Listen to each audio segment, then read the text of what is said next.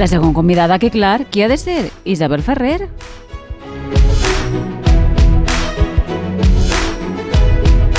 Rectifique, no és convidada, que és companya, col·laboradora. Isabel, bona vesprada, com estàs? Bona vesprada, molt bé, amb ganes de contar-vos coses. Ah, fantàstic. Doncs mira, eh, perquè avui té relació, jo ho he anunciat al principi del programa, que anem a barrejar una miqueta eh, bé, la relació de la música amb la feina, no? Sí, perquè el divendres és 1 de maig i sí. la veritat és que encara que pareguen dos àrees totalment separades i llunyanes, en realitat són dos àrees molt properes. Jo crec que tots recordareu a, a obrers cantant, a, sí. a, a prou de casa, a les vostres iaies també cantant, i realment música i treball són dos amics molt propers, especialment en el cant. Avui em centraré més en el cant, però jo crec que podríem fer un altre programa amb música en general.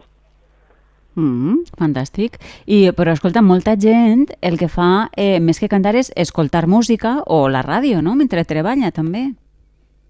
Sí, sí, però com, com vos deia, aquesta vinculació és la que fem ara, que tenim ràdios, que tenim aparells, però l'ombra és molt allargada i, de fet, no sabem fins, fins on s'allarga en el temps. Nosaltres el uh -huh. que ens ha arribat eh, és les músiques, els cants, a través de, de la tradició oral. Aleshores, eh, tenim, per a que vos situeu en el, en el primer gènere que anem a veure, tenim uns cants que s'anomenen així, cants de treball, i que els trobem repartits eh, per, per moltes parts d'Europa de, i nosaltres parlarem des de la conca mediterrània. Per situar-nos i per saber exactament de, de què estem parlant, escoltem, si voleu, un trosset d'un cant de batre que ens l'ofereix el Botifarra.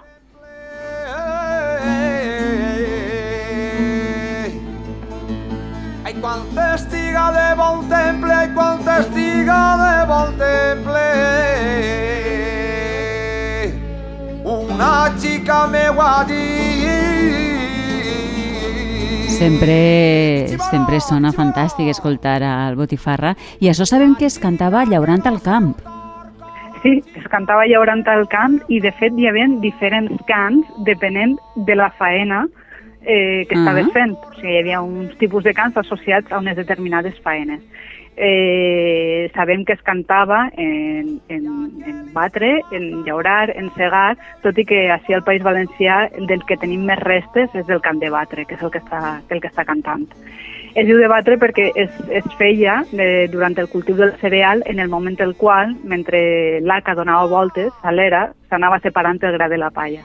Era una feina llarga que, que podia allargar-se moltes hores. Uh -huh. I quants eh, n'hi ha de cants de batre? Vull dir, no tots són iguals, no? No exactament.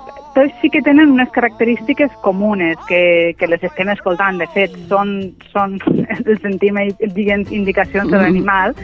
Són cants sí. que canta una persona, perquè en principi estàs, estàs a soles o poc acompanyant. Són molt melòdics i lliures en unes frases que sempre són molt paregudes. Eh? Mm, partixen d'un lloc, van com cap amunt, van pujant, es mantenen i es fan com una mena d'ornaments i després descendeixen.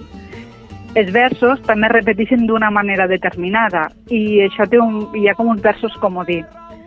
Tot això el que fa és que es puguen fer com xicotetes improvisacions, xicotetes variacions, però sempre en la mateixa melodia i en els versos molt, molt similars. I entremig també el que va, el que va fent, no? que és parlar amb el mateix animal, donant-li indicacions, donant-li ànims a si mateix. Eh, bé, coses també per entretindre's un poc. Mm. Mm -hmm. I una última I... característica que... Sí. sí que vull afegir és que n'hi ha molts d'estos cants que les persones que els han reproduït després fora de, del, del lloc de treball es mm. reprodueixen també els moviments corporals que feien mentre canten. És com que els és molt difícil separar el fet de cantar del moviment ah. corporal d'eixa faena determinada, que és, que és com per exemple engarbellar, que es, es va movent el cos d'una manera determinada. I el ritme de la música que també xulo. a vegades canvia. Sí, és molt curiós, uh -huh. molt curiós per a nosaltres, uh -huh. sí. Sí, sí, garbellar, una paraula que, que m'encanta. I estem escoltant que tenen, eh, això sí, és una sonoritat molt característica, tu ja ho deies, no? Sabem si hi ha alguna vinculació amb les músiques de procedència àrab? Perquè sona una miqueta així, no?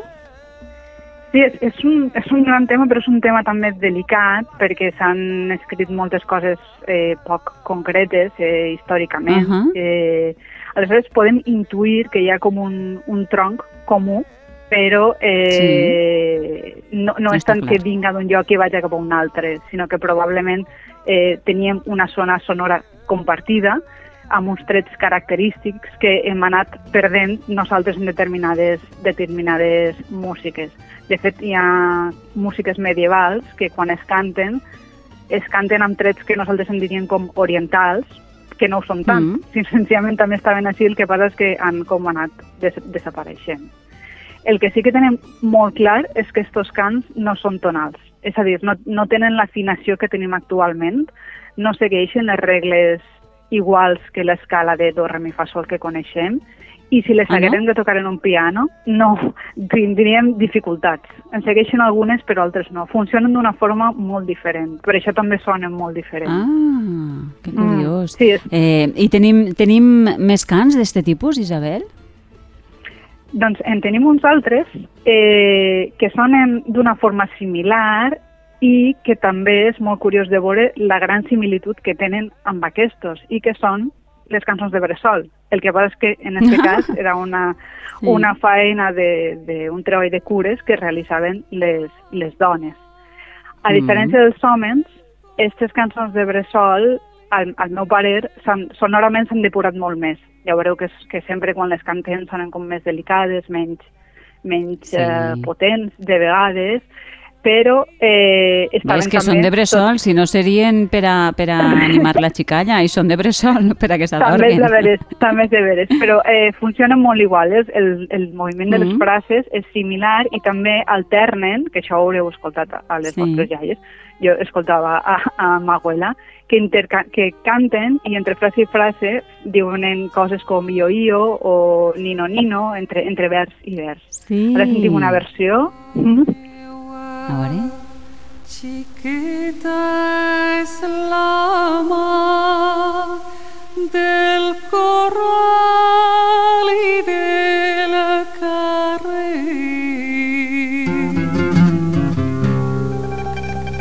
De la figuera y la parra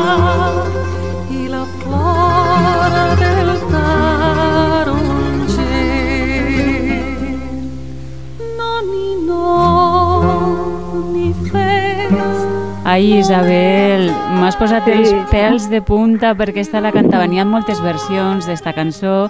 Esta sí. és la veu de Maria del Mar Bonet, inconfundible, evidentment, però eh, la cantava ma abuela, la cantava ma abuelo, eh, li la cante jo a la meva filla i, ui, mira, se m'han enlluernat els ulls sí. i tot. Sí, és, és, és preciosa i, i el que comentes, n'hi ha moltíssimes versions, segures, segurament eh, una per cada persona que la, que la cantem, mm i uh, també es relaciona molt amb el moviment corporal d'anar bressolant i en ocasions ah, les característiques eh, són similars a altres músiques del mateix context cultural, perquè els gèneres no, no estan totalment parcel·lats, sinó que van, van fluint, i les cançons de bressol també. Mm -hmm. també. Que bé. Mm, eh, I tenim més músiques eh, tradicionals vinculades al treball? Sí, una és justament que eh, conforme va canviant un poc el procés de treballar, també va canviant mm. com cantem. Sí?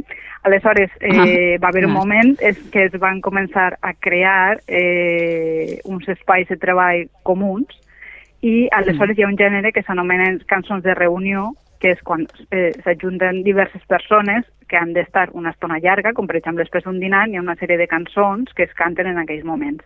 Dins de les cançons de reunió n'hi ha algunes específiques de l'àmbit del treball, de l'àmbit de la faena, i destaca un gènere que s'anomenen les cançons de magatzem, justament perquè es cantaven en els magatzems, quan va vindre l'època industrial.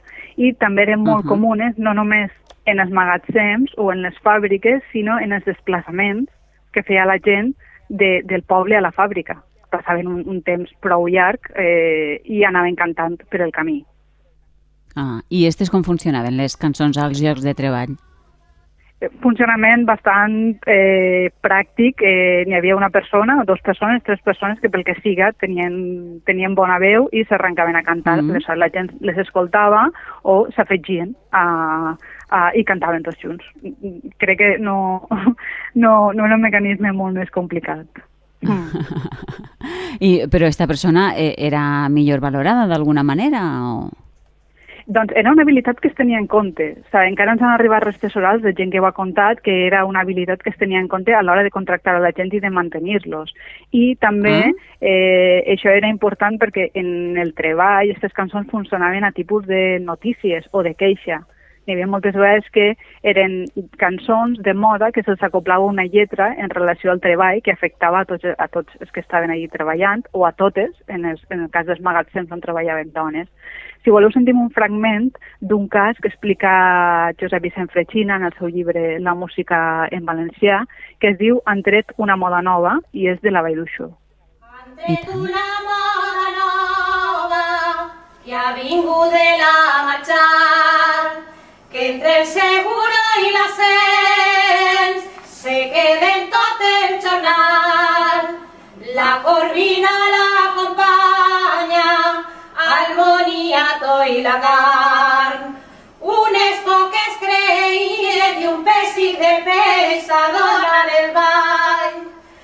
Dones dels treballadors que esperen el sobrer. Que xulo. S'entén un poc, però exactament què estan explicant? Doncs, sorprenentment, segons explica Frechina, eh, eh, estan queixant-se del sindicat vertical franquista que obligava els treballadors uh -huh. a estar afiliats. Això de precís, per a treballar necessitaves un carnet. Aleshores, ells Clar. estan queixant-se sobre els diners que es furtaven del sou per a pagar el sindicat. De tota manera, és un gènere que, que sabem poc, sí, però sabem que es donava més en les àrees més, lògicament, més industrialitzades, com era el nucli del coll, el nucli de la plana en la taronja, el nucli de dènia en la pansa, i si vos doneu mm. compte, com dèiem, són com cançons de moda, és com una espècie de couplet al qual li canvies sí. la lletra i li poses la lletra que tu vols cantar en el teu problema, que és el que clar, interessava en aquell moment. Clar, clar. Mm. Ah. I um, què va passar quan va arribar la, la ràdio? Sí, això és curiós perquè molta gent escolta la ràdio, però en aquells moments la ràdio no era tan comuna. Aleshores n'hi ha molta ah. gent que relaciona l'arribada de la ràdio amb la desaparició de, de la ràdio i dels mitjans de comunicació, amb la desaparició d'estos cants. Jo crec que ve un poc d'abans, eh? era ja una, una mort anunciada perquè quan van entrar les màquines les, a, a, al camp, a les fàbriques, l'aparell, les màquines fan soroll. I per tant, això també va influir en que, en que es cantara menys. I també va haver caps que va començar a dir que això de cantar, més que beneficiar, mm, marejava, eh, ah? que feia que produïren menys. Per tant, va ser, sí, va ser una mescla entre tot i diguem que eh, la ràdio o aquest tipus d'aparells van, van ser els últims en arribar, però que va acabar un poc desplaçant eh, eh, el cantant. Mm. Uh -huh. eh, ja que has dit això, perquè no ho tinc clar jo, si tenien raó no, hi ha algunes músiques que ens facin treballar millor? Però si tu poses en Google, vas a YouTube i poses músiques i enseguida teis para estudiar, música para trabajar, música sí, para concentrarte, sí. ¿no? Sí, clar, depèn del que s'entenga a treballar. Depèn sí, del que s'entenga per treballar millor. Si ho entenem des del punt de vista de treballar més a gust, suposo que va a gust. Sí.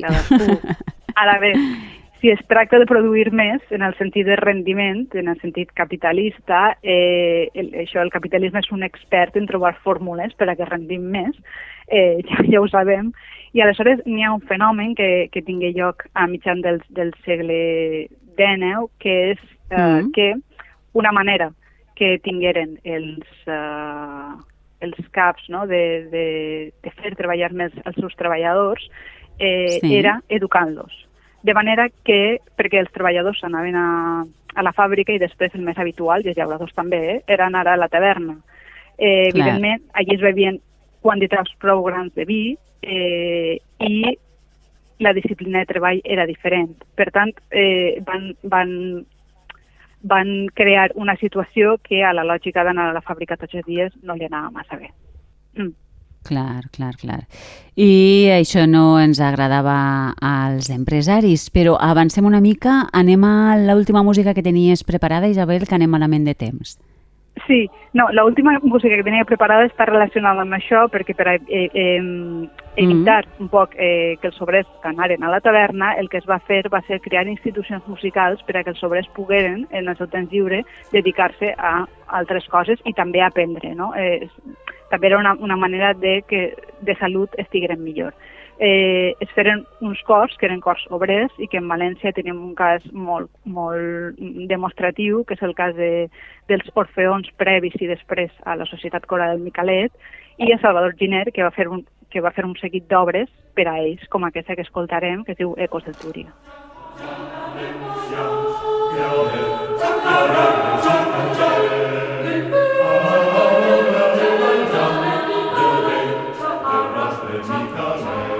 Molt bé. T'he de dir que a mi el que més m'agrada són les cançons de Bressol i escoltarà sí, el Botifarra, sí, sí. això sí, sí. per a gustos, els colors, la cançó això... de, de Batre era molt xula també. Sí. sí. Doncs, eh, escolta'm, Isabel, com sempre, gràcies. Mira, ha estat molt interessant eh, la, la secció avui. Vaja, com cada setmana també. Bon confinament i ens parlem la setmana que ve. Una abraçada forta. Igualment, parlem la setmana que ve. Gràcies. Adeu, adeu. Adeu.